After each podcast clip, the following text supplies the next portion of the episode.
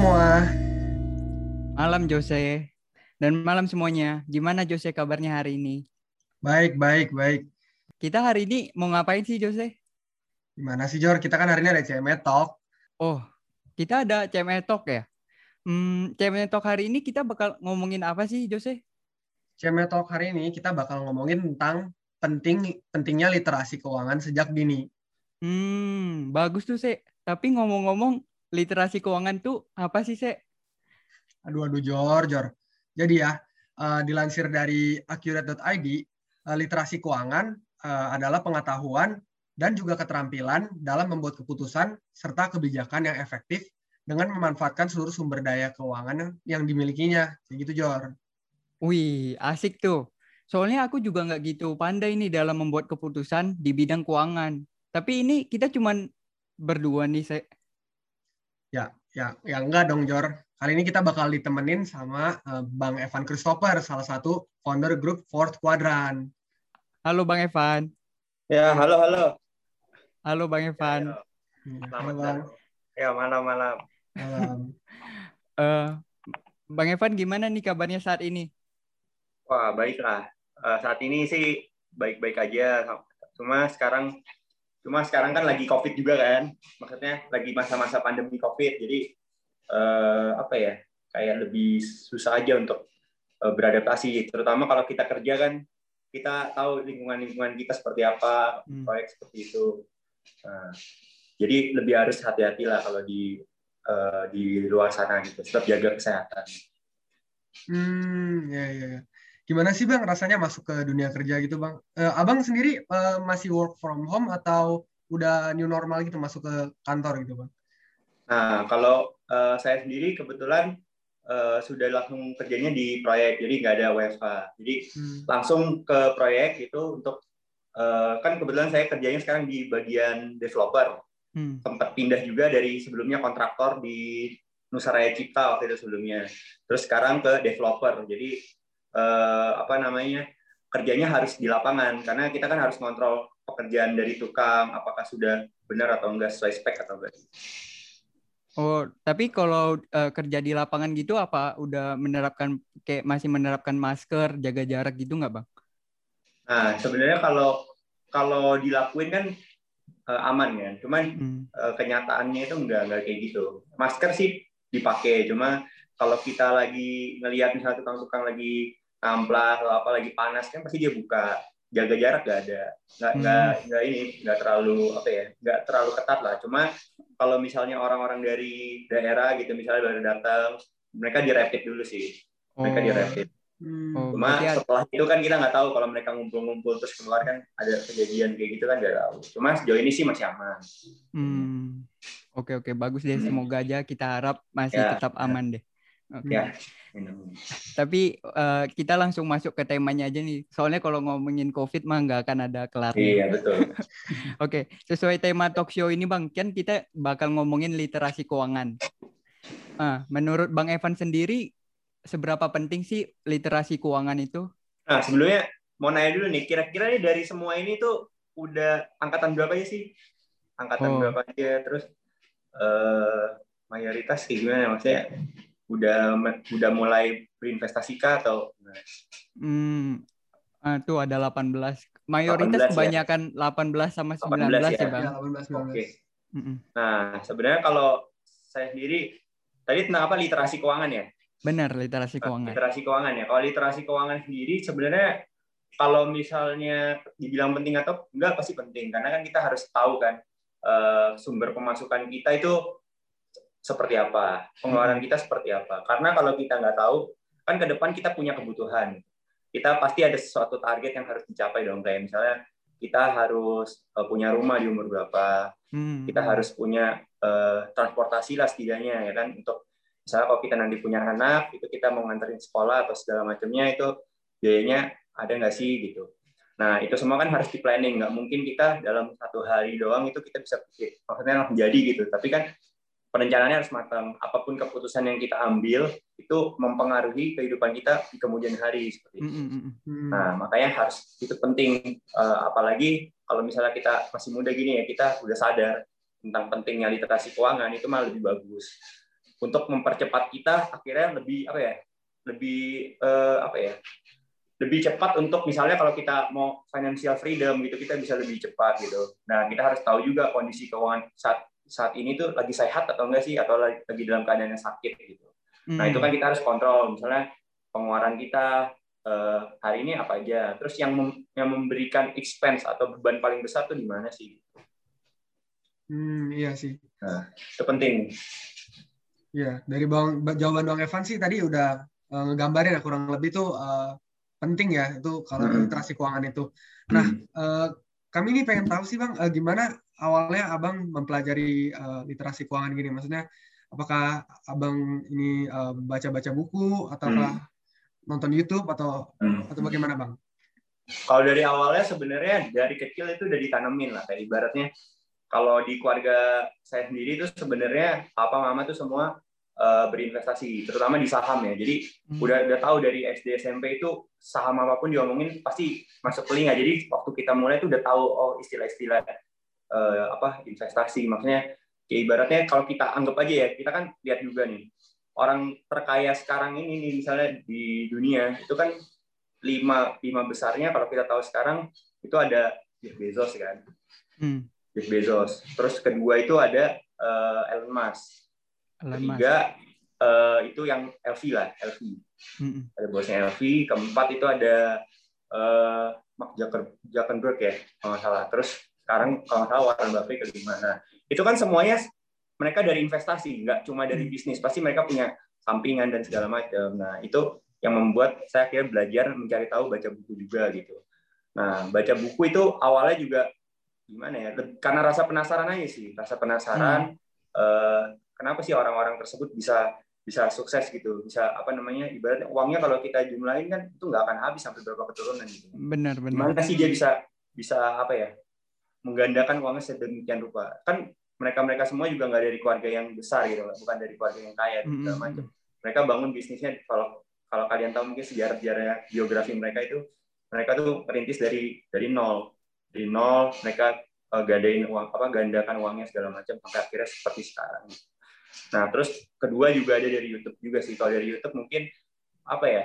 Lebih mencari tahu teknik-tekniknya seperti apa sih kayak uh, apa kalau ilmu eksaknya kan pasti di, di buku ya semua ada. Mm-hmm. Ada buku-bukunya Robert Kiyosaki, Mindset Financial gitu.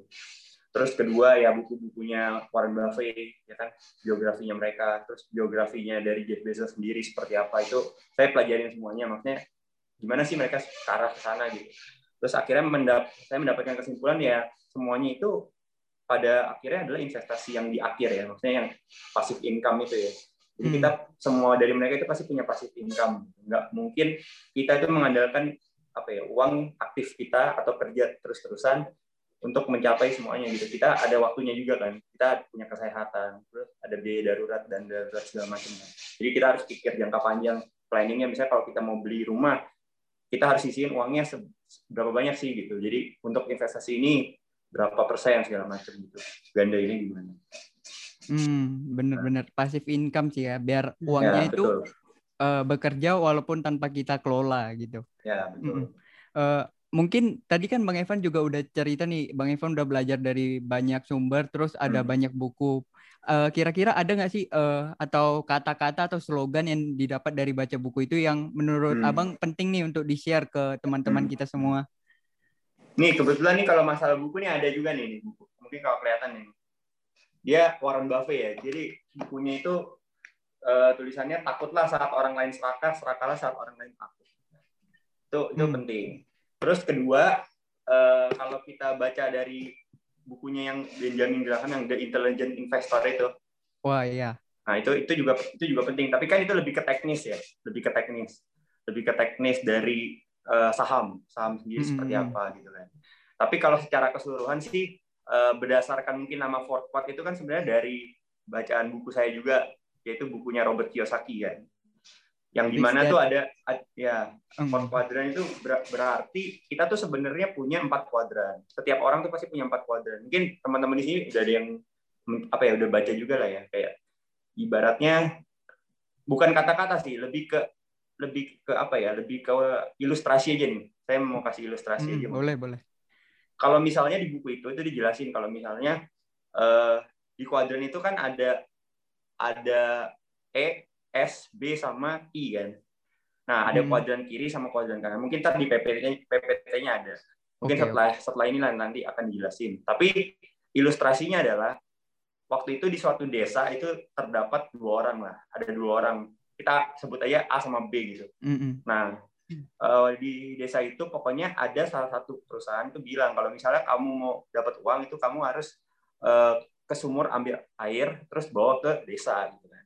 Si A ini langsung lakuin. Jadi dia langsung setiap hari itu dia angkut airnya kasih ke rumah-rumah warga gitu dan dapat uang lumayan besar gitu. Tapi si B itu dia nggak lakuin itu, dia langsung pergi dari situ. Dia langsung cari konsultan dan kontraktor gitu untuk nge ngebangun pipa yang bisa dialirin dari sumur itu ke rumah-rumah warga gitu. Emang pada dasarnya di awal itu yang A itu mendapatkan uh, income yang lumayan banyak lah, ibaratnya jalan terus. Tapi seiring berjalannya waktu, kan uh, ibaratnya kalau kayak gitu kan kita harus kerja terus ya. Kita harus mm -hmm. kerja terus, akhirnya sakit kita udah nggak bisa biayain, kita nggak bisa dapat uang itu tanpa kita, kalau kita nggak kerja. Jadi ya udah orang itu akhirnya apa ya akhirnya udah nggak punya uang lagi uang yang selama ini dikumpulin habis begitu saja dengan kesehatannya dia yang menurun sementara yang B itu walaupun dia lama tapi satu sisi dia mendapatkan uang dari pipa-pipa yang dia bangun gitu jadi uangnya bukan yang dia bukan nyari uang tapi dia yang apa ya uang yang bekerja buat dia gitu. Hmm, hmm. nah di situ akhirnya uh, saya baru terpikir lah gimana sih caranya kita bisa mengembangkan bukan masalah bukan masalahnya kita harus ke yang B ya. kita bisa juga seperti A tapi punya side hustle gitu. Misalnya ada sampingan yang akhirnya membuat kita. Maksudnya kayak ibaratnya kalau kita baru lulus kita nggak punya modal nggak mungkin dong kita investasi uangnya dari mana ya kan? Pasti kita harus bisnis dulu segala macam atau enggak kita kerja dapat gaji yang kita sisihin. Nah itu. Nah itu biasa persepsi orang banyak yang salah di situ. Biasa pakai uang panas segala macam itu kan bahaya. Nah itu kita harus detailin lagi. Kita kalau udah tahu pentingnya investasi dari ilustrasi itu kita baru ke teknis lagi. Nah, teknisnya seperti apa? Nah, itu kita harus pelajarin. Karakteristik orang kan beda-beda ya. Pasti cara dia mengontrol uangnya, emosinya dia, dia kebutuhan hidupnya apa. Nah, itu yang kita harus sesuaikan sama diri kita. Hmm, hmm. Uh, ya saya juga pernah uh, dengar sih itu Bang kayak kita tuh jangan mengandalkan uh, satu income. Jadi kalau bisa ya, kita betul. punya beberapa keran gitu untuk mengisi hmm, ember hmm, gitu. Jadi hmm, yeah. kayak uh, misalnya mungkin uh, kita buat buku lah atau kita buat hmm. YouTube lah kan ada AdSense atau royalti yeah. dari buku tersebut bisa dijadikan income kita selain kita bekerja hmm. kayak di kantor. Uh -uh. Itu ada bukunya namanya Multiple Stream of Income. Ah, itu ada bukunya. Nah, hmm. itu bisa dibaca. Itu juga bagus. Oke, okay, oke. Okay. Nah. Uh, keren sih bang. Tapi uh, tadi bang Evan kan tadi udah bahas sedikit nih dengan uh, kita perlu adanya financial planning. Uh, mungkin juga di uh, di media sosial sekarang lagi booming tuh kayak di umur segini harus sudah punya mobil, harus sudah punya rumah hmm. gitu. Uh, kami boleh tahu nggak kira-kira bang Evan uh, ada rencana kayak gitu juga nggak? Atau uh, kayak di umur segini harus punya net worth berapa ratus juta hmm. atau umur segini udah pensiun gitu? Sebenarnya ada, cuma kalau saya itu nggak jadi apa ya, ibarat tuh kayak acuan pribadi aja sih kayak misalnya uh, tahun ini patokannya punya berapa gitu kan. Kita hmm. gimana caranya biar bisa nyampe ke situ gitu. Jadi kalau nggak tercapai pun ya nggak jauh nggak apa ya ibaratnya harus realistis lah nggak jauh nggak jauh beda dari target itu. Kadang kan kita juga yang menjadi bahaya adalah ketika kita punya target gitu nggak hmm. tercapai kita jadi down gitu. Jadi kita malah mikirin kok orang lain bisa gitu. Nah kalau saya tuh lebih ibaratnya buat pacuan aja sih tapi nggak ada nggak ada yang kayak pakem gitu. Karena yang bahaya adalah ketika kalau kayak gitu jatuhnya kita jadi punya rasa rendah diri segala macam. Padahal kan setiap orang pasti itunya beda-beda ya. Maksudnya hmm. jalannya beda-beda untuk mencapai itu gitu. Cuma kita disarankan untuk punya kita semua harus punya setiap individu. Tapi untuk patokan secara general nggak mungkin bisa sama gitu. Ya kan? Mungkin kondisinya sekarang ada orang yang merantau gitu. Dengan kondisi orang yang masih tinggal sama orang tua pasti beda. Ya enggak benar-benar kondisi keuangan beda. Jadi kalau kita samain sama mereka ya jelas beda. Apalagi kalau kita masih biayain adik kita yang masih kuliah atau sekolah itu kan beda juga. Nah, yang penting adalah gimana caranya kita tuh udah sadar dulu tentang keuangan kita. Maksudnya kita nggak boros, maksudnya kita beli aset bukan liabilitas loh. Nah, nah terus kalau kita mau beli liabilitas, apakah berguna? Nah, kalau berguna kan sebenarnya jadi aset. Nah, makanya itu harus hmm. dipikirin matang-matang gitu. Kalau kita membandingin sama orang lain mah nggak akan ada habisnya lah. Pasti apa ya berat lah kalau kita bandingin kayak apa ya kayak capek juga gitu ngapain hmm, kayak kita kan punya capek sendiri hmm. nah, capek sendiri hmm. jadi tapi tetap harus punya target masing-masing punya target yang itu harus di keep sendiri aja kayak hmm. ya udah ini target kita ya udah kayak kamu bisa nggak capai itu kalau nggak kalau nggak bisa ya kamu juga yang tahu kan jadi hmm. gimana caranya effortnya bukan kita ngasih tahu ke orang segala macam kayak gitu mah nggak usah nggak penting lah yang penting kita kasih lihat aja hasilnya hmm. oh iya sih bang benar ya, sih bang berarti uh, emang uh, setiap orang itu beda-beda gitu nggak bisa dibandingin gitu ya maksudnya yeah. Iya. uh, ada setiap pribadi itu punya waktunya sendiri gitu ya jadi hmm. uh, nggak bisa itu nggak apple to apple gitu kalau dibandingin nggak bisa nggak nah. bisa mungkin itu juga ya, mungkin namanya personal finance di mana kayak yeah. per, ini hal yang personal gitu, nggak nggak mm. bisa dibandingkan dengan yang orang lain. Mm. Mm. Ibaratnya kalau kita ngambil ilustrasi itu kan kita ini sebagai individu. Misalnya ya, perus kalau misalnya kita lihat laporan keuangan perusahaan nih, contoh aja. Aduh, mm nah, boleh. Itu kan sepertinya sebenarnya kita baca laporan keuangan itu sebenarnya kita berkaca dengan manajemen uang kita gitu. Hmm.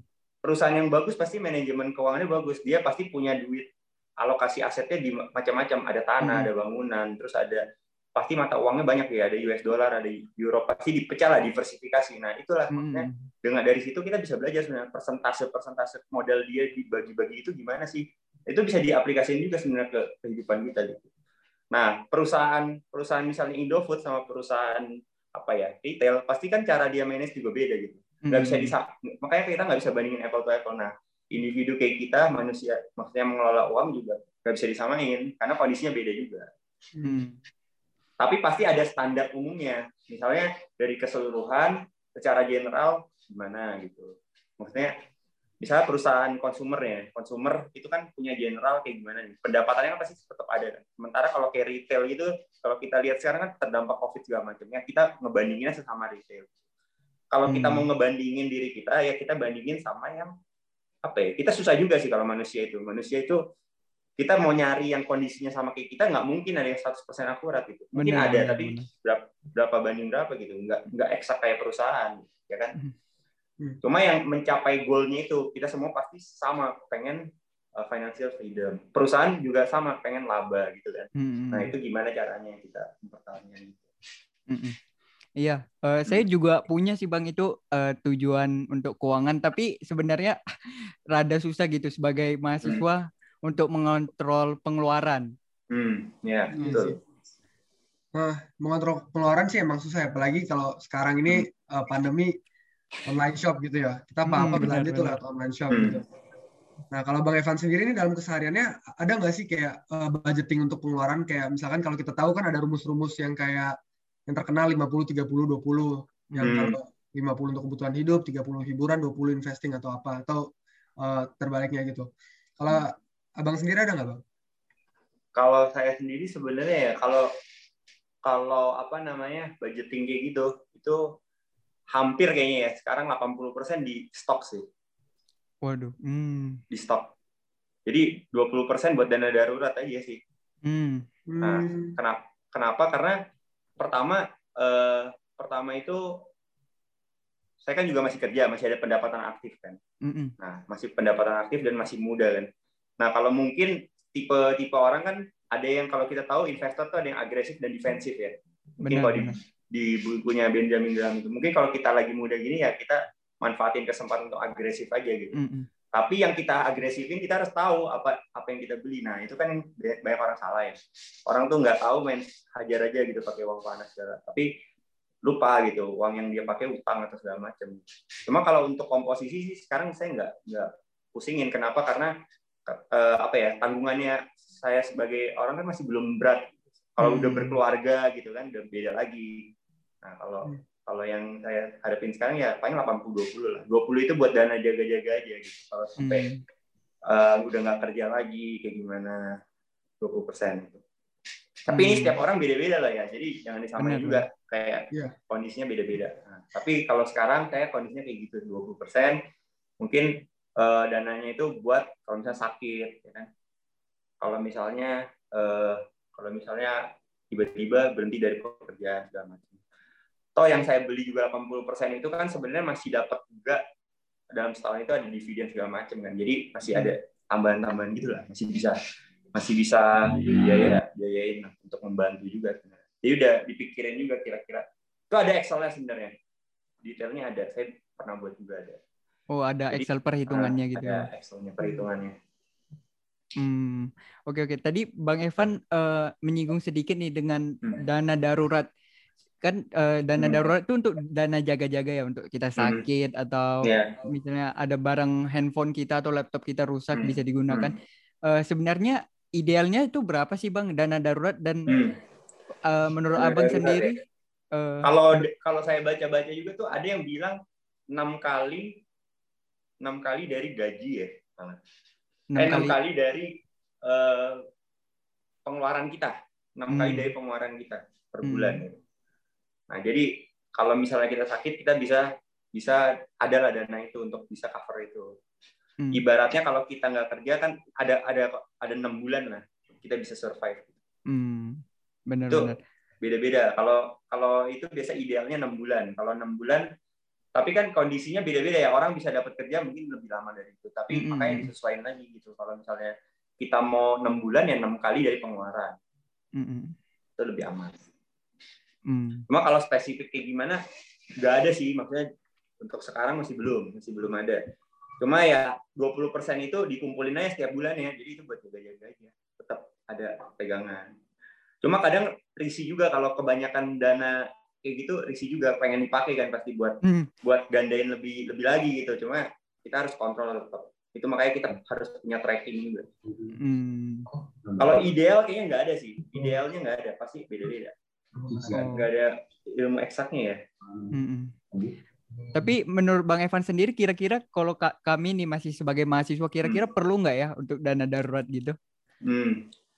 Tergantung kalau misalnya kamu itu benar-benar kayak mengandal, maksudnya kan ada orang yang ibaratnya tuh apa ya, di cover sama orang tua lah ya. Benar benar. Nah, kalau kayak gitu kan sebenarnya setiap bulan dapat dan segala macam kan pasti bisa cover gitu. Mm-mm. Ya kan? Tapi kalau orang yang benar-benar be- kerja dan harus itu dia tuh harus harus tetap siapin. Nah, Hmm. tapi kalau yang hidup sama orang tua nggak harus selamanya kayak gitu, kita bisa belajar Mm-mm. kita kelola. Jadi anggap aja itu kayak gaji kita sendiri gitu.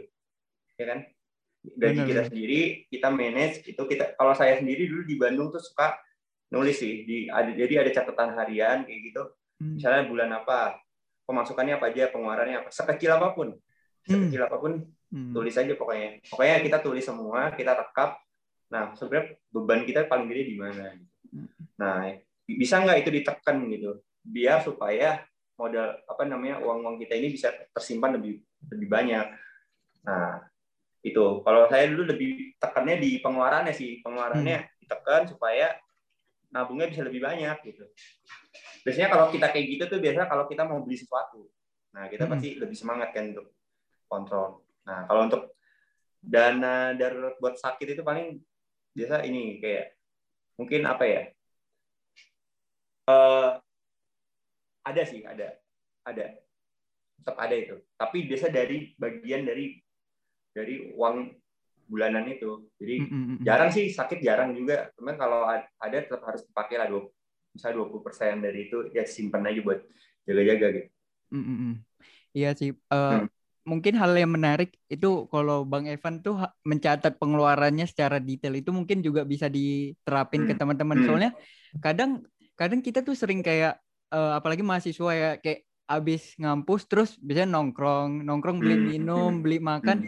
Kadang-kadang malah nggak nggak terkontrol gitu. Tahu-tahu Hmm. uang bulanannya udah Betul. habis aja.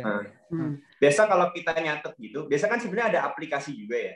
Iya benar-benar. buat track. Cuma saya nggak nggak terlalu suka kalau aplikasi gitu. Biasa kalau nulis biasa lebih kebayang. Hmm, hmm, hmm. Waktu kita nulis kok gede ya kayak ketika teman ngajak itu udah ada udah ada apa ya udah ada tekanan gitu loh kayak wah ini harus tahan nih jadi mau nggak mau nggak ikut jadi udah tahu nih pokoknya di bulan-bulan tanggal segini kalau udah keluarnya lebih udah harus tahan Hmm. Iya iya. Uh, mungkin saya juga pernah baca tuh kalau secara kayaknya secara psikologi kayaknya dari kan kita sekarang udah ada scan-scan pakai GoPay lah, pakai OVO hmm. gitu kan. Hmm. Kalau kita pakai GoPay sama pakai OVO tuh kadang juga pengeluaran kita nggak terasa gitu. Hmm. Lebih terasa kalau kita mengeluarkan uangnya secara langsung. Jadi kayak wah terasa nih baru ngeluarin segini gitu. Hmm. Kalau scan kan kayak angka aja. Jadi nggak nggak gitu nggak gitu terkontrol yeah. jadinya. Hmm. Hmm. Iya sih. Hmm. Uh, mungkin uh, tadi Bang Evan uh, ada cerita tentang investasi. Sebenarnya investasi itu kan untuk mempercepat mempercepat mencapai tujuan keuangan kita kan, bukan uh, uh, bukan untuk memperkaya. Hmm. Hmm, itu maksudnya, yang, maksudnya kayak kayak cepat gitu ya. Uh, uh. Yeah. Itu kan stigma-stigma yang ada di masyarakat sekarang nih atau di media sosial. Hmm. Kayak naik uangnya naik berapa kali lipat lah. Apalagi sekarang kripto bisa naiknya yeah, gila-gilaan kan. Hmm. Iya. Yeah. Main kripto juga ini berarti nih orang-orang di sini. Uh, uh, kayaknya sebagian pasti ada sih bang. Pasti ada yang main sih. Tuh Leonard main tuh Leonard. Saya main bang. Iya iya. Ya kalau gitu, tadi ya? disinggung juga kan soal investasi. Uh, kalau menurut Bang Evan sendiri uh, investasi itu apa sih dan seberapa penting kalau. Kita itu sebagai mahasiswa itu untuk berinvestasi? Hmm. Investasi itu sebenarnya apa ya? Kita tahu lah kalau misalnya setiap tahun itu pasti ada inflasi kan. Kalau misalnya kita hmm. simpan uang kita itu pasti tergerus juga dengan inflasi. Hmm. Jadi daripada, nah misalnya inflasinya rata-rata kan bisa 4 sampai lima persen. Kalau kita taruh di bunga bank aja sekarang kan udah empat persenan, cuma dipotong lagi sama sama administrasi. ada administrasi segala macam. Hmm. Sebenarnya rugi kalau kita diamin uang kita gitu. Jadi kita harus kelola gimana caranya ini bisa digandakan gitu. Bisa uh, apa ya? Ibaratnya bisa bertumbuh gitu. Hmm. Lebih besar dari inflasi itu sendiri. Nah, sebenarnya target yang pertama yang harus dilakuin ya gimana cara ngalahin inflasi dulu. Nah, kalau kita udah bisa ngalahin inflasi, berarti kan uh, ibaratnya kita bisa menggandakan mengalahkan inflasi dan kita untung gitu ibaratnya kan uang kita bertumbuh terus. Nah, investasi itu penting kenapa? Karena kita itu kalau investasi kan banyak ya, banyak instrumen. Mm-hmm. Kalau tadi bilang kripto naik ya emang naik banyak banget. Ba- banyak banget emang. Terutama dia kan komoditi ya. Kalau misalnya komoditi itu emang musiman ya. Nggak selalu bagus. Beda sama saham yang mungkin uh, kenaikannya lebih lama. Cuma hmm. untuk jangka panjang dia kan bertumbuh perusahaannya. Nah, menurut saya kalau misalnya kita naruh investasi di uh, misalnya ada obligasi juga kan, obligasi kan bisa hmm, hmm, kasih gede, tapi kita harus simpen selama berapa tahun gitu.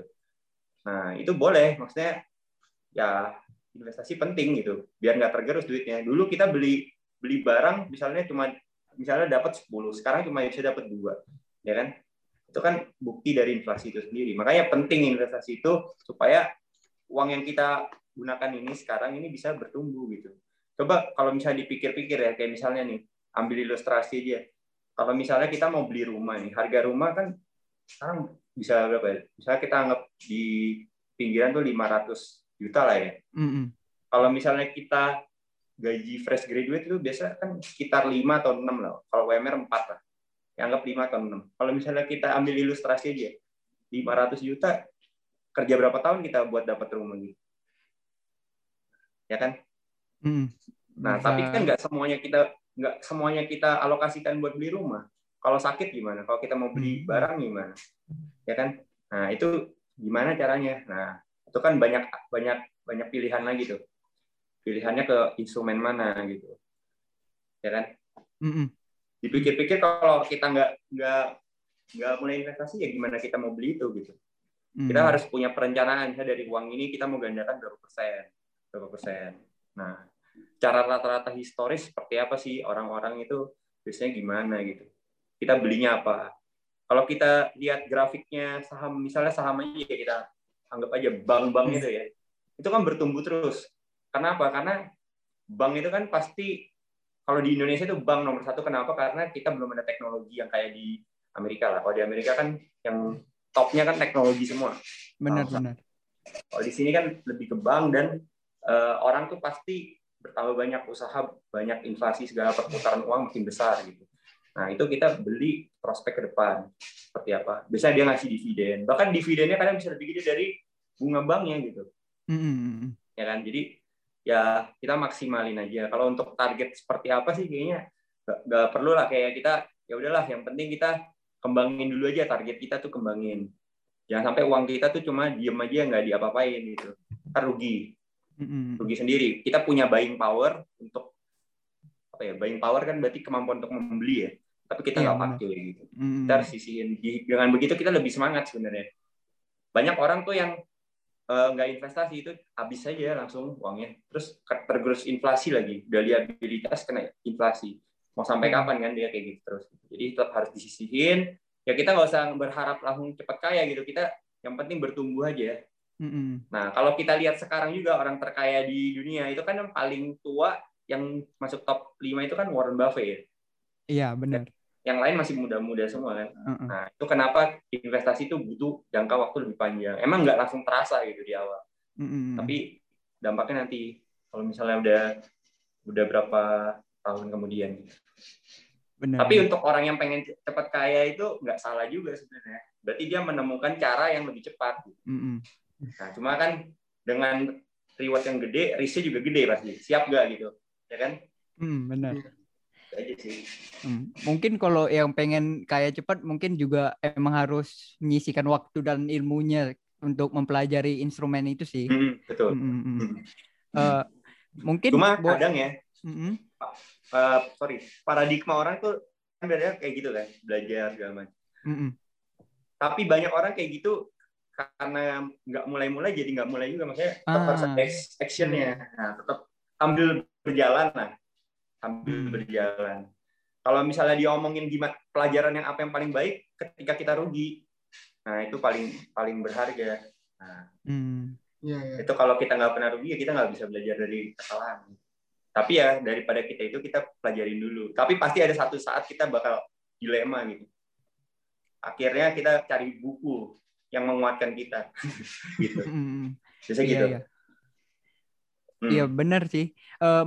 Kema- Hmm. Kalau nggak salah ada tuh grafiknya kayak yang menunjukkan kalau awal-awal belajar kita tuh kayak merasa yang paling hebat. Nanti terus jatuh Hmm. tuh udah Hmm. merasa kayak, Hmm. ini belajar apa lagi nih. Hmm. Tapi padahal pas itu kita malah dapat belajar lagi untuk selanjutnya biar lebih Hmm. baik. Hmm. Eh, mungkin juga buat teman-teman mungkin eh, investasi itu nggak nggak selalu tentang saham. Mungkin kan masih banyak lagi kayak ada reksadana ada obligasi ada deposito ada emas. Mungkin disesuaikan aja sama resikonya teman-teman masing-masing. Iya. Eh, terus tadi bang Evan juga ada bilang Warren Buffett ya. Te- kalau kita tahu Hmm. itu kan Warren Buffett mulai berinvestasi sejak umur 11 tahun ya 11 tahun ya? Betul. Kalau kalau Bang Evan sendiri eh, mulai berinvestasi itu sejak umur berapa ya? sebenarnya awal-awal banget itu di 2017 sih. Awalnya di 2017 Nah itu juga saya ngambilnya nggak saham waktu itu. Jadi banyak opsi kan, ada obligasi, Hmm. ada reksadana, ada saham yang kita disebutin juga. Saham, mata uang, forex, ya kan, Mm-mm. Eh, kripto, segala macam, peer to peer bahkan sekarang kan, sekarang Hmm. ada peer to peer juga. Benar. Nah kalau saya dulu 2017 itu mulainya pertama kali di kripto. Hmm, Kripto. kripto. Waktu itu waktu itu kripto masih dikit banget, nggak banyak, cuma mungkin pilihan cuma 20 sampai 30 poin doang. Nah, itu emang cepet banget itu. Naiknya enak, enak tapi sekali resikonya juga gede. Jadi ya kalau mungkin teman-teman di sini lihat ya dilihat dari grafiknya dulu pernah kripto itu dulu di 200 BTC ya, 200 jutaan harganya. Sampai dibanting tuh sampai 50 50 sampai 60 juta itu dalam sekejap. Nah, bahkan sekarang udah di 600 700 juta. Sekarang ke 500. Berarti udah all time high kan berarti. Mm-mm. Nah, sebenarnya kalau kita pikir aja ya kayak kita simpen aja kita nggak ngapa-ngapain, kita udah untung banyak walaupun kita nyangkut 200 tapi sekarang 500 dua kali lipat. Hmm. Nah, Iya gitu. sih. Sebenarnya kalau sebenarnya ya kalau kita investasi itu apa pun itu sebenarnya gimana ya ngomongnya? Semua pasti bakal naik tapi momentum waktunya itu kita nggak tahu kan. Nah, Iya, itu kan kripto. Hmm. kripto tuh berarti 2017 2017 berarti umur 20 20 nah dari, baru di 2008 eh 2019 tuh baru saham Hmm. 2019an Iya, iya. Dengar-dengar nih, Bang. dulu eh, sempat juga belajar reksadana cuma reksadana kan Hmm. sebenarnya kayak saham juga ya cuma returnnya Iya. terlalu kecil jadi ya udahlah mending kita pilih sendiri sahamnya yang mana ya kalau rugi juga keputusan kita gitu Hmm. Karena kalau kayak gitu kan kita ngambil dari itunya orang misalnya apa mandiri mandiri punya pilihan apa gitu kan ikut reksadana iya. syariah atau apa gitu kan Ah, iya, reksadana agak kecil ya dia punya return ya. Agak lama Hmm. juga. Hmm. Eh, Dengar-dengar Bang, eh, Abang juga ada buat komunitas gitu ya tentang untuk belajar dan betul. sharing mengenai saham dan kripto gitu ya Bang. Ah. Itu boleh nggak sih Bang dijelasin dikit kenapa Abang waktu itu bisa kepikiran untuk buat eh, komunitas kayak gitu? Padahal kan eh, sekarang kan sebenarnya saingannya itu juga banyak ya. Maksudnya nggak cuma Hmm. Abang buat eh, komunitas kayak gitu. Bisa di-sharing sedikit Bang? sebenarnya kalau awalnya Fort Fort Community itu dia tuh bahasnya lebih ke saham awalnya. Kenapa ke saham? Karena pada dasarnya itu apa ya? Kenapa ya waktu itu? Waktu itu tuh karena ini sih, waktu itu karena di lingkungan kerja aja. Di lingkungan kerja kita kita lihat lah kalau misalnya di proyek itu kan orang-orang kita gini udah tahu gitu tentang eh, apa kesadaran investasi. Tapi bagaimana orang-orang di luar sana gitu kayak yang misalnya pekerja harian segala macam itu kan. Akhirnya daripada daripada kita lah ngomong ke situ, mending kita bikin aja satu sarana atau komunitas. Di mana waktu itu juga banyak juga yang nanya-nanya, nanya-nanya, ini gimana sih caranya gini-gini. Gitu. Makan Hmm. waktu itu masih baru mulai juga, jadi kita, saya nggak terlalu berani ngasih apa ngasih apa ya ngasih ngasih insight gitu lah takutnya kan kita juga belum berpengalaman segala macam ya udah kita bikin komunitas daripada jelasin satu-satu ya mending kita langsung bikin aja komunitasnya gitu jadi biar orang yang mau yang mau belajar ya tinggal masuk untuk tahu. Nah Fort Quad Community itu baru ada tuh dari 2020 2020 baru sih dia. Dia baru terus kita tuh bahasnya tentang murni dari eh, fundamental aja fundamental awalnya fokusnya. Cuma belakangan ini udah mulai mengarah ke yang lain-lain gitu. Nah kalau misalnya teman-teman yang mau masuk ke dalam Quad ya kalian bisa masuk ke link di Telegram. Jadi kita aktifnya di Telegram sih. Pakai uh, Telegram, terus uh, WA sih nggak ada. Telegram aja murni Telegram aja. Telegram, terus di Stockbit ada juga kadang. Sama ketiga itu di uh, website itu aja. Kalau untuk sekarang sih lebih nggak banyak ngepost ke post gitu. Sekarang tuh lebih ngurusin yang ini sih, lebih ngurusin yang uh, apa kripto itu loh, kripto, menu swing itu segala macam sama sahamnya. Oke oke. Mungkin nanti Uh, bisa di-share lah linknya sama panitia ya kalau misalnya yang tertarik untuk join. Oke oke. Iya. Ya mungkin nanti dari panitia boleh di share. Hmm. Mm. Eh, terus Paling ini gitu mm, eh, saya eh, pengen tahu nih bang kan bang Evan udah bikin eh, komunitas gini. Kira-kira di komunitas ini kan pasti banyak nih investor-investor baru. Eh, Betul. terus Banyak. eh, apalagi eh, kita lihat nih di berita lagi banyak nih investor-investor baru yang memakai uang uang panas gitu, pakai Mm-mm. uang uang pakai margin lah, ada pakai Ya, pinjaman betul. online, Hmm. ada yang sampai pakai dana pendidikan anaknya dimasukin ke Hmm. saham, lalu Hmm. nyangkut nih. Kira-kira eh, gimana tuh tanggapan Bang Evan sendiri? Sebenarnya yang penting itu saya pernah baca satu buku ya. Jadi eh, yang penting itu sebenarnya kan orang itu nggak mengerti apa yang dia beli. Nah itu nggak itu sebenarnya bahaya kalau kayak gitu. Yang penting adalah kita tuh harus tahu dulu apa yang kita beli. Mungkin banyak lah orang-orang yang udah ngomong kayak gitu lah, ya kan? Yang kita beli itu apa pertama. Kedua, kita harus punya eh, action. Kalau kita tahu doang, semua orang juga tahu kan prinsip. Misalnya eh, saham A gitu, valuasinya murah nih. Semua orang juga tahu, tapi kenapa nggak semua bisa dapat untung gitu? Nah itu kan ada faktor lain kan. Ya kan? Faktor lainnya itu adalah eh, di eh, pengambilan keputusan. Berani nggak gitu kan.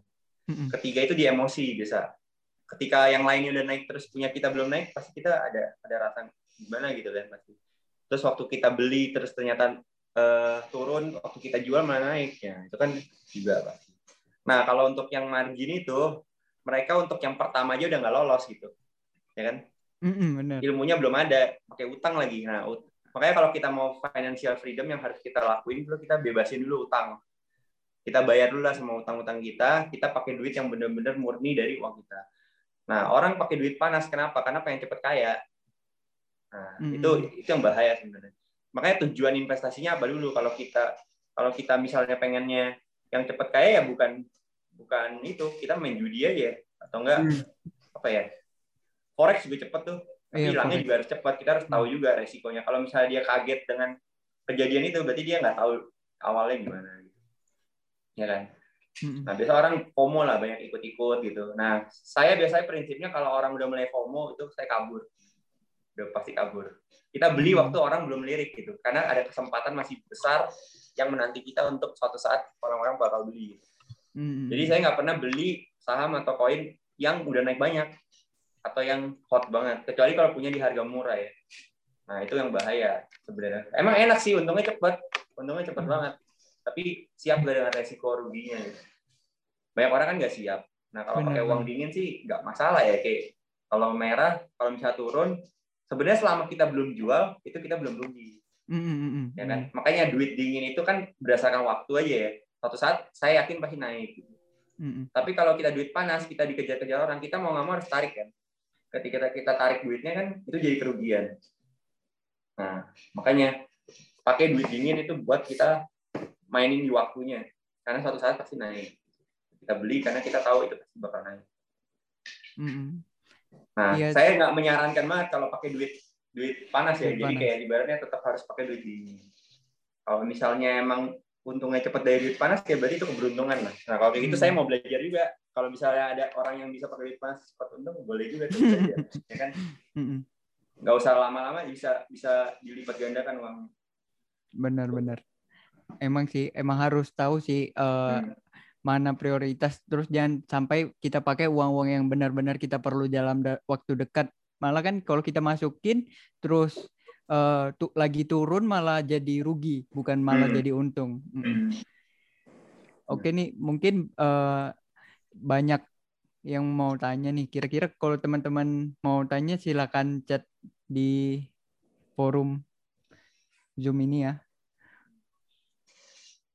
Mungkin kalau saya sendiri ya, ini mungkin lebih ke sharing-sharing aja lah ya. Kayak Mm. eh, banyak yang lebih lebih apa ya lebih hebat lah ya kayak yang jago banget gitu yang kayak dalam waktu beberapa bulan langsung untung banyak gitu kalau saya tuh udah harus lebih yang kayak sabar. Ya yang penting saya bersyukur kalau misalnya lebih besar dari bunga bank gitu. Kayak ya udahlah kita punya target tertentu kok jadi ya gimana ya ngomongnya? Kayak kalau kita ngomong kepuasan gitu kan beda-beda ya.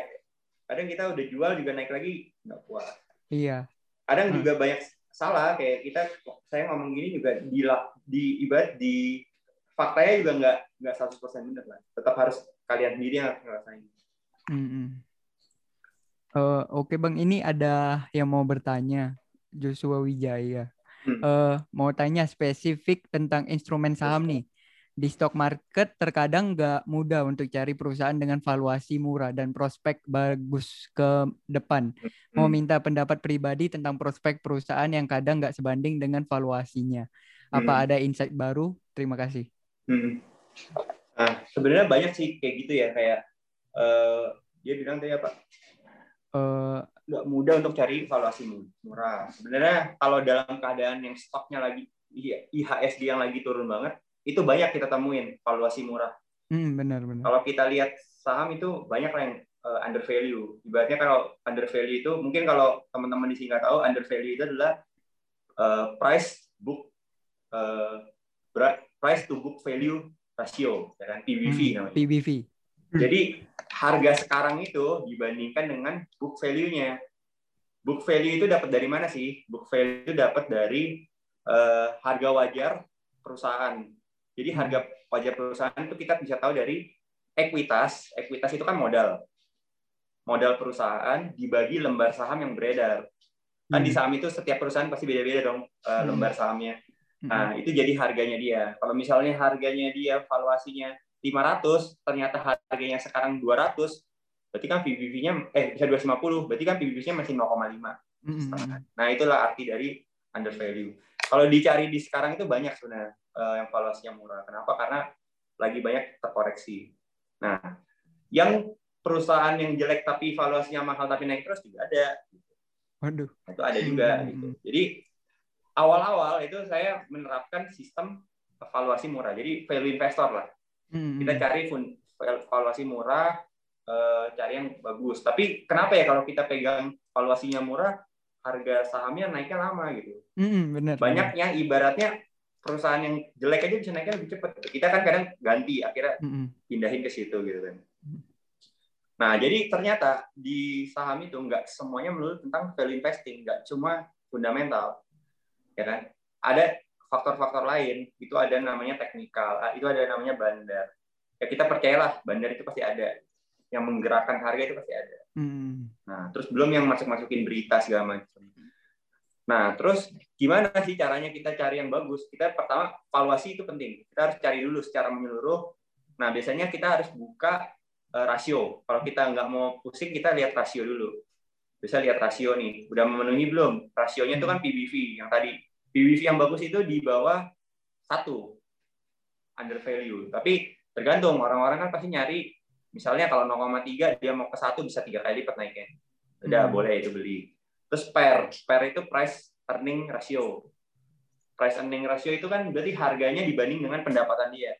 Dengan harga segini itu pendapatan dia seimbang nggak sih per lembarnya gitu. Kalau dia di bawah 10 biasa murah gitu. Berarti oke. Terus kita lihat utang-utangnya dia.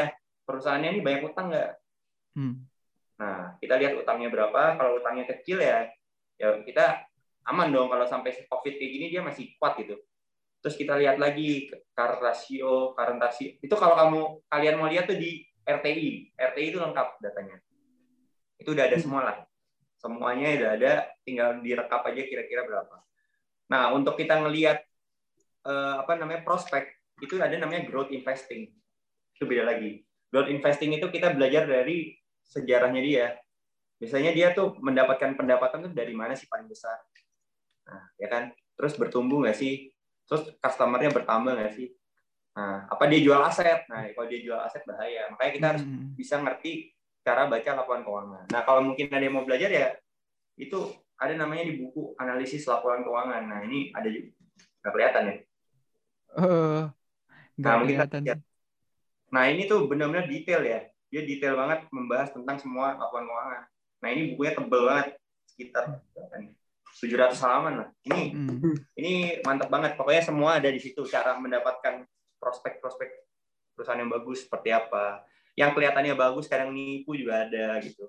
Terus siapa sih eh, akuntannya kredibel atau enggak? Nah, itu kita harus cari tahu. Itu bah- itu soalnya banyak loh perusahaan-perusahaan yang kelihatan valuasi yang murah tapi perusahaannya pemiliknya ya maling gitu. Nah, Hmm. itu kan bahaya. Kita harus cari tahu direksinya siapa nih, komisarisnya siapa nih, orang dalamnya orang politik bukan nih, gitu-gitu lah. Hmm. Pokoknya harus pelajari semua lah. gitu. Hmm. Tapi untuk orang-orang yang biasa nggak mau ribet dengan itu ya kita ya kalau mau aman-aman untuk kita pemula ya kita beli blue chip aja, ya kan? Benar, Kita beli saham-saham kayak BRI lah, udah pasti buku 4 itu udah pasti wajib lah. BRI, eh, BCA, Mandiri sama apa ya satu lagi lupa. Eh, BCA, Mandiri sama BNI ya. BNI, benar. Nah itu itu maaf untuk ke depan juga masih masih ada aja pasti bank mah. Itu mau lebih aman untuk defensif gitu. Tapi untuk mencari yang kayak tadi itu berarti itu kan nyari multi bagger. Multi bagger tuh banyak caranya. Jadi ya kita harus pintar-pintar ngelihat, kita harus lihat keadaan segala macam. Hmm. Nah, kalau saya sekarang sendiri nggak nggak ini nggak. Jadi itu buat patokan awal, tetap ada bandarmologi. Jadi harus dilihat dulu modalnya bandar tuh di berapa sih. Ada lagi tuh ilmunya. Hmm. Gitu. Oke, eh, mungkin eh, saya coba rekap ya Bang. Berarti emang Ya. a- mungkin langkah awal lihat dari rasio-rasio yang Ya. ada ya, per PBV. Heeh. Hmm. Baru mungkin lihat juga secara eh, fundamentalnya kualitatif, kuantitatif, siapa hmm. yang ngurus, terus juga dari Hmm. laporan keuangannya apakah eh, ada jual aset kah atau Ya. mengalami keuntungan kah? Mm. Eh, mungkin semoga juga terjawab untuk. Joshua Wijaya. Oke, eh, untuk pertanyaan selanjutnya ini ada dari Leonard. Eh, Bang mau bertanya, gimana sih tips and trick dalam kontrol emosi di saat investasi di saham? Nah, ini penting nih. Soalnya Hmm. juga kebanyakan kita uh, tuh gak sabar atau FOMO gitu kan. Hmm. Um, itu malah yang menyebabkan kita rugi kan di instrumen-instrumen ini. Nah kalau kalau yang emosi itu sebenarnya kita nggak usah liatin setiap hari gitu aja sih intinya hmm. kita punya kita pasti kan punya standar lah. Kayak misalnya satu perusahaan ini kita tahu nih harga wajarnya berapa. Terus kita lihat juga kok di sini murah banget ya? Maksudnya sebenarnya murah banget perusahaannya bagus kenapa harganya nggak nggak naik? Hmm. ya kita kalau udah tahu perusahaannya kita pasti santai aja gitu. Ya kalau kita nggak mau emosian ya kita nggak usah liatin. Jadi kita lebih lebih fokus sama kinerja perusahaannya. Ya udah itu kan juga duit duit dingin juga ya udah nggak dilihat. Kecuali kalau mau trading ya kalau trading beda lagi. Gitu. Kalau trading hmm. pasti emosi sih nah makanya kalau kalau saya trading makanya kita kan karakteristiknya beda-beda. Kalau saya itu nggak suka yang trading. Jadi mungkin mentalnya nggak terlalu kuat juga ya untuk melihat naik turun gitu. Jadi ibaratnya lebih pengen yang ya udahlah simpan aja untuk berapa lama gitu. Jadi entah hmm. untungnya berapa ya udah. Tapi kalau trading itu biasanya saya paling salut sama orang yang kayaknya dari trading. Hebat. Karena hmm. karena kenapa? Itu orang-orang kayak gitu kalau saya bilang ya cepat mati loh kayak gitu. Kenapa? Karena naik turun emosi setiap hari tapi, iya setiap hari kayak gitu emosi juga sih sebenarnya kayak sekarang kita ambil keputusan salah segala macam itu mentalnya harus kuat juga cuma hmm. untuk konsisten yang susah kan untung yeah. gede mah bisa cuma kalau kita mau konsisten kan yang lebih susah Nah, itu. Hmm. Ya bang, kalau bisa uh, saya tadi uh, yang saya tangkap sih berarti sebenarnya itu uh, ada pengaruh juga dari, dari uh, kita investasi di mana juga kali ya bang. Hmm. Mungkin kalau kita hmm. pakai duit uh, ya duit panas gitu, itu hmm. yang bisa buat emosi kita masuk dalam pengambilan keputusan yeah. juga kali ya. Hmm. Uh, bagi teman-teman uh, sebelumnya sebelum kita lanjut uh, ke pertanyaan berikutnya, mungkin bisa isi dulu uh, evaluasi webinar yang udah di chat di kolom chat uh, bagi peserta boleh isi ya. Terima kasih. Uh, mungkin kita lanjut ke pertanyaan berikutnya aja kali ya. Ini dari uh, Joshua Wijaya. Oke, okay, eh, berarti dari untuk bandingin valuasi suatu emiten, lebih baik compare dengan historical chart PBV dan per emiten itu sendiri atau compare dengan peersnya yang satu sektor. Hmm. Terima kasih. Hmm. Dua-duanya penting sih itu uh, dua-duanya penting. Jadi kita lihat uh, mungkin per sektornya dulu ya. Per sektornya dulu kita lihat biasanya pesaingnya lah ibaratnya kan pesaingnya biasanya dihargain berapa sih gitu. Terus yang sejarahnya dia juga itu penting juga karena kadang walaupun perusahaannya bagus kayak misalnya hal kita sebut aja ya perusahaan Penin Life tuh kalau kita lihat Pen, PNLF. Itu kan perusahaan itu sebenarnya harga wajarnya di 600-an ya. Cuma dia secara historis itu dia emang valuasinya nggak pernah di satu gitu. Jadi di 0,5, 0,6, 0,4. Gitu. Tapi nggak menutup kemungkinan juga suatu saat dia bisa ke satu gitu. Nah kalau kita eh, apa pakai pendekatannya fundamental ya udah kita pegang aja sampai itu harganya tercapai. Cuma kan kita nggak tahu kapan. Nah, itu. Nah kalau kita bandinginnya per, sek, eh, per PBV dan per yang yang tadi saham itu misalnya dari historisnya itu lebih aman sebenarnya untuk tercapai lebih gampang karena kita tahu sejarahnya dia berapa. Mm-hmm. Nah kalau kita mau yang pasti-pasti aja ya kita bandingin per nya dia historis. Udah lebih pasti. Kalau kita per sektor kadang nggak semua sektor sama kan. Pasti beda-beda. Misalnya sektor uh, apa uh, agrikultur misalnya. Misalnya ada satu saham yang emang dihargainya dua tiga dua tiga gitu ada yang emang dihargainya 0,5 0,6 gitu tapi kan hmm. nggak apple to apple kan itu jadi ya udah kita bandinginnya historisnya dia aja lebih pasti hmm. okay. kalau disuruh prefer ya historisnya saham tertentu itu aja hmm. berarti uh, kalau saya tangkap berarti lebih prefer lebih ke lihat uh, historisnya gimana perusahaan itu dijalankan dan valuasinya ya, ya uh, biasanya berapa sih gitu hmm.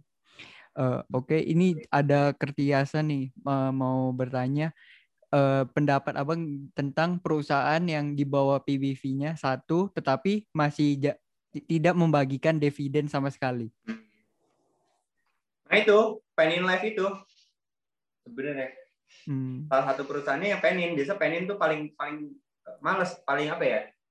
Paling pelit lah bagi dividen. Dia jadi pendapat kalau saya lihat laporan keuangannya itu dia selalu ambil labanya itu ditahan. Jadi untuk ningkatin lagi ekuitas perusahaannya terus. Hmm. Makanya kenapa harga wajarnya dia eh harga bukunya dia naik terus kan? Harga Hmm. bukunya dia naik terus karena banyak laba-laba yang untung itu nggak dibagiin tapi ditahan. Nah, Hmm. Tergantung sih kebutuhannya apa. Kalau ada orang yang kan dividen hunter ya, yang nyari dividen Iya, yang iya. gede. Mm, mm, Kalau kamu mau nyari dividen yang gede itu ada saham namanya MPMX. mm. Nah, itu salah satu saham eh, andalan lah. Itu sahamnya Saratoga, Sandiaga Uno. Nah, itu Hmm. MPMX itu kemarin baru bagi dividen dan gede 115 per lembar. Kalau kita dividen yield kita pertahunkan gitu 15 persen. Jadi kalau misalnya kita beli itu eh, apa namanya kita beli misalnya dalam har- waktu itu di harga 500-an itu kita udah dapat 15 persen lah dari dari modal kita udah 15 persen nggak ada setahun. Jadi kita cuma beli tunggu berapa bulan lah dapat 15 persen. Daripada kita nunggu bunga bunga bank jadi kita harus pintar-pintar juga nyari-nyari. Biasanya kalau mau lihat gitu kita buka di eh, idx.co.id nah di idx.co.id itu kan banyak sebenarnya berita-berita tentang perusahaan. Misalnya yang mau bagi dividen siapa nih? Terus yang mau ngadain RUPS apa nih? Beritanya lagi ada apa? Nah itu kita harus cari tahu. Itu penting tuh corporate action namanya.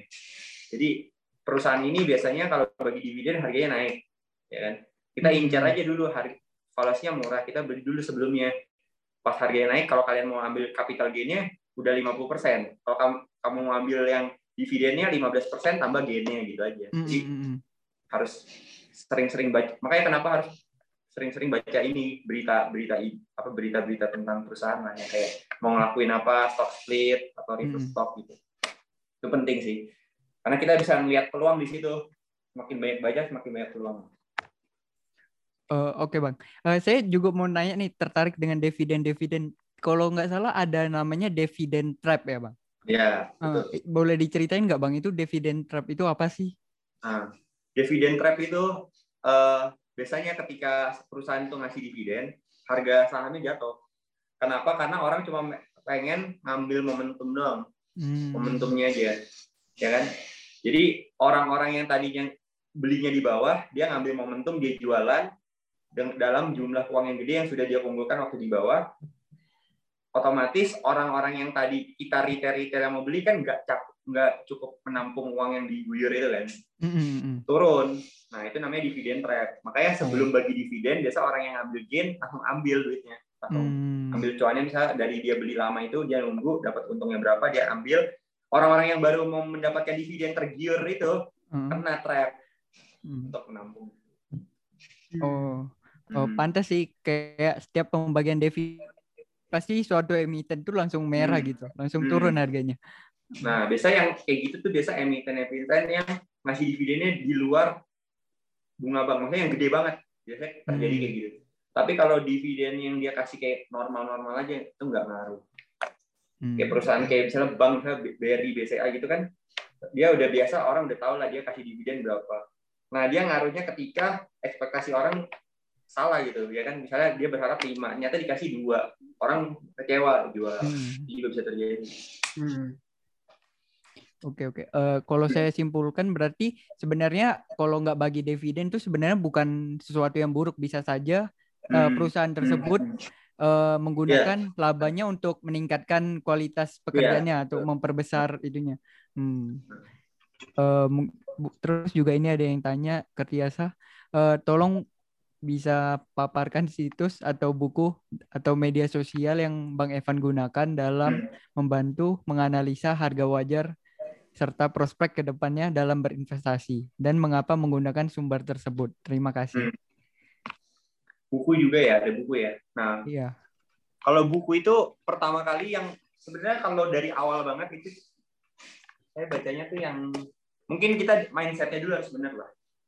Kamu bisa baca The Calm Investor itu dari Teguh Hidayat. Nah, bukunya Teguh Hidayat Hmm. The Calm Investor. Jadi kita sebelum masuk itu kita harus tahu dulu kayak mental seorang investor itu seperti apa sih itu itu penting. Kita kuat gak dengan hal itu ya kan? Itu pertama. Terus kedua kita harus tahu biografi orang-orang yang udah sukses siapa aja. Pasar saham itu siapa. Nah kita tinggal pelajarin aja cara dia memilih saham itu seperti apa. Ya kan? Nah kalau dari saran saya mending bacanya dari eh, yang basic-basic dulu yang Teguh Hidayat terus biasa tuh eh, Ryan Filbert kalau ada Kalau ada yang tahu Ryan Filbert itu dia dia sebenarnya masternya di bandar, bandarmologi. Tapi dia juga ada bahas tentang value investing. Ya, itu value investing juga ada. Terus eh, ada juga si siapa namanya tuh kalau kita lihat tuh kan saya sampai lupa loh udah lama banget ntar ya coba cek dulu Boleh bang, nggak apa-apa. investing oh namanya Rifan Kurniawan Oh iya ya. Nah, itu itu eh, cari bukunya ada kan bukunya itu mencari saham multi bagger kan. Ada Hmm. juga value investing. Mungkin dasar yang pertama value investing dulu aja lah. Value investing kamu baca, kamu lihat RTI, bisa tahu eh, komponennya, bisa PBV, PER, DER itu semua tahu. Hmm. Nah itu basicnya kamu udah kuasain fundamental. Kedua, kalau kalau mau cari tahu lagi tentang mental ya the count investor itu, biasa kita beli buku ini ketika kita sudah mulai ragu dengan value investing. Kok nggak naik ya? Gimana ya cara kita sabar? Nah itu kita beli buku itu.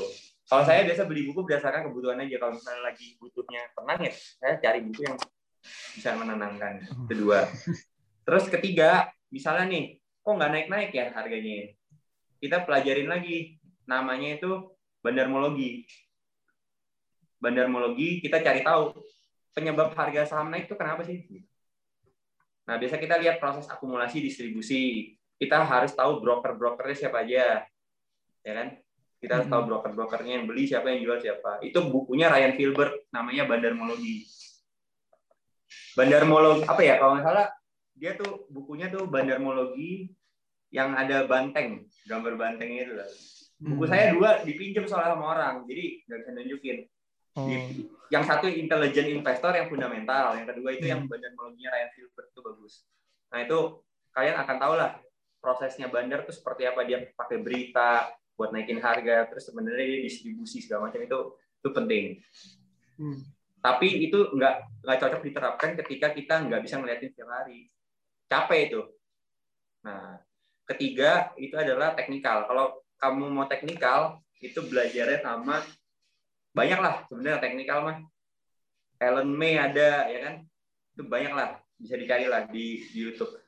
Nah, tapi kalau yang fundamental tuh biasa Teguh Hidayat, eh, terus si Rifan Kurniawan, Andika Sutoro Putra, ya kan, Andika. Dodi bicara investasi, sama bola salju nama YouTube-nya. Itu Hmm. lima itu coba catat aja. Itu lima itu fundamental. Kalau bandarmologi itu Ryan Filbert. Terus eh, stok stok apa ya? Bandarmologi itu ada yang siapa sih? Kita alumni Unpar juga tuh. Lupa namanya siapa tadi. Stok stok apa gitu. Pokoknya dia bahas tentang bandar itu. Terus kalau yang terakhir itu adalah astronaci. Astronaci ini astrologi sama Fibonacci. Jadi Hmm. dia bisa tahu tanggal berapa main, tanggal berapa naik, tanggal berapa turun gitu. Itu mengandalkan kalau bisa diomongin tuh eh, apa ya? Rasi bulan lah. Jadi kayak ada hubungan dengan alam lah. Jadi dia ada scientificnya dia penjelas. Nah, itu kamu cari di Astronaci Internasional. Hmm. Itu namanya si Gemma Guyardi kok ya. Iya Pak Pak Gema. Nah, itu Kak, itu saya belajar banyak lah di situ Hmm. dari dia jelasin video YouTube-nya itu kan dia pakai indikator-indikator kan. Hmm, benar benar. Nah saya juga pelajarin video-videonya dia yang banyak itu dari Hmm. cara dia teknik, teknikal, dia fundamental semuanya dia. Nah itu kita kita bedah aja kita pakai indikatornya. Ternyata kadang benar juga gitu kayak semuanya itu berguna. Semua semuanya itu bisa, digabung ya? dijadiin satu Hmm. dan sebenarnya simple. Nah mungkin cara tahu simple atau enggak ya join aja. Biar- Hmm. biar lebih lebih mantep. Pokoknya ibarat dari ibaratnya tuh empat ilmu itu digabungin karena saya pernah merasakan semuanya. Fundamental lama naik belajar bandarmologi, bandarmologi ketipu teknikal, teknikal ketipu, ketipu juga Fibonacci, ketipu juga. Hmm. Empat itu ternyata ada satu, ada satu benang merahnya. Hmm. Dan kita nggak perlu liatin setiap hari, simple banget. Kita lihat sekilas langsung tahu. Oh, nih Hmm. modalnya bandar nih segini. Kapan naiknya?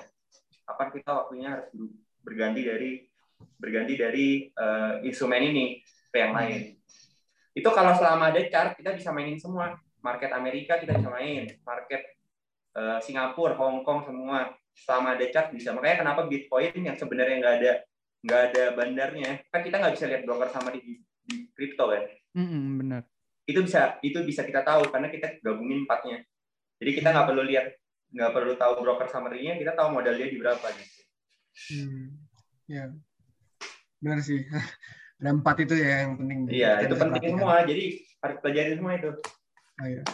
Em, Oke nih bang, Eh, Hmm. eh, kita udah nggak terasa udah satu jam lebih nih CME Talk ini berlangsung. Eh, sayang sekali kita harus berhenti di sini. Kalau nggak pasti bakal banyak lagi pertanyaan bisa sampai besok mungkin atau kapan. Eh, apa-apa mungkin nanti yang mau nanya ya bisa masuk ke grup itu nanti. Ah, Apa, benar. Saya pakai Iya. telegram buat kalau Iya. ada waktu ya. jawab. Hmm, bener banget sih. Hmm. Ntar kalau yang mau nanya-nanya aja bisa langsung join aja ke komunitasnya Bang Evan ya di Fourth Ya. Quadrant itu. Nanti kan link, linknya udah dibagi di uh, kolom chat ya. Eh, terima kasih banyak ya Bang Evan udah mau meluangkan waktu Ya. ngobrol-ngobrol bersama kami. Eh, mungkin ke depannya kita boleh eh, undang Abang lagi ya untuk ngobrol-ngobrol lagi bertukar pikiran mungkin seputar saham atau mungkin kripto begitu kali ya. Lebih spesifik gitu ya. Iya, lebih. Ya semoga aja membantu sih soalnya ilmunya juga nggak apa ya nggak nggak spesifik banget lah. Saya juga baru belajar jadi ya kalau misalnya ada teman-teman di sini yang lebih paham ya bisa saling sharing lah nanti kita. Iya, eh, Eh, mungkin sebelum kita tutup, eh, sekali lagi Bang Evan, kami dari CME ingin mengucapkan terima kasih dan juga kepada teman-teman semua kami juga ingin meng- mengucapkan terima kasih telah meluangkan waktu. Eh, terus juga untuk teman-teman jangan lupa untuk mengisi form evaluasi kita agar ke depannya CME Talk ini akan lebih lancar dan lebih memuaskan.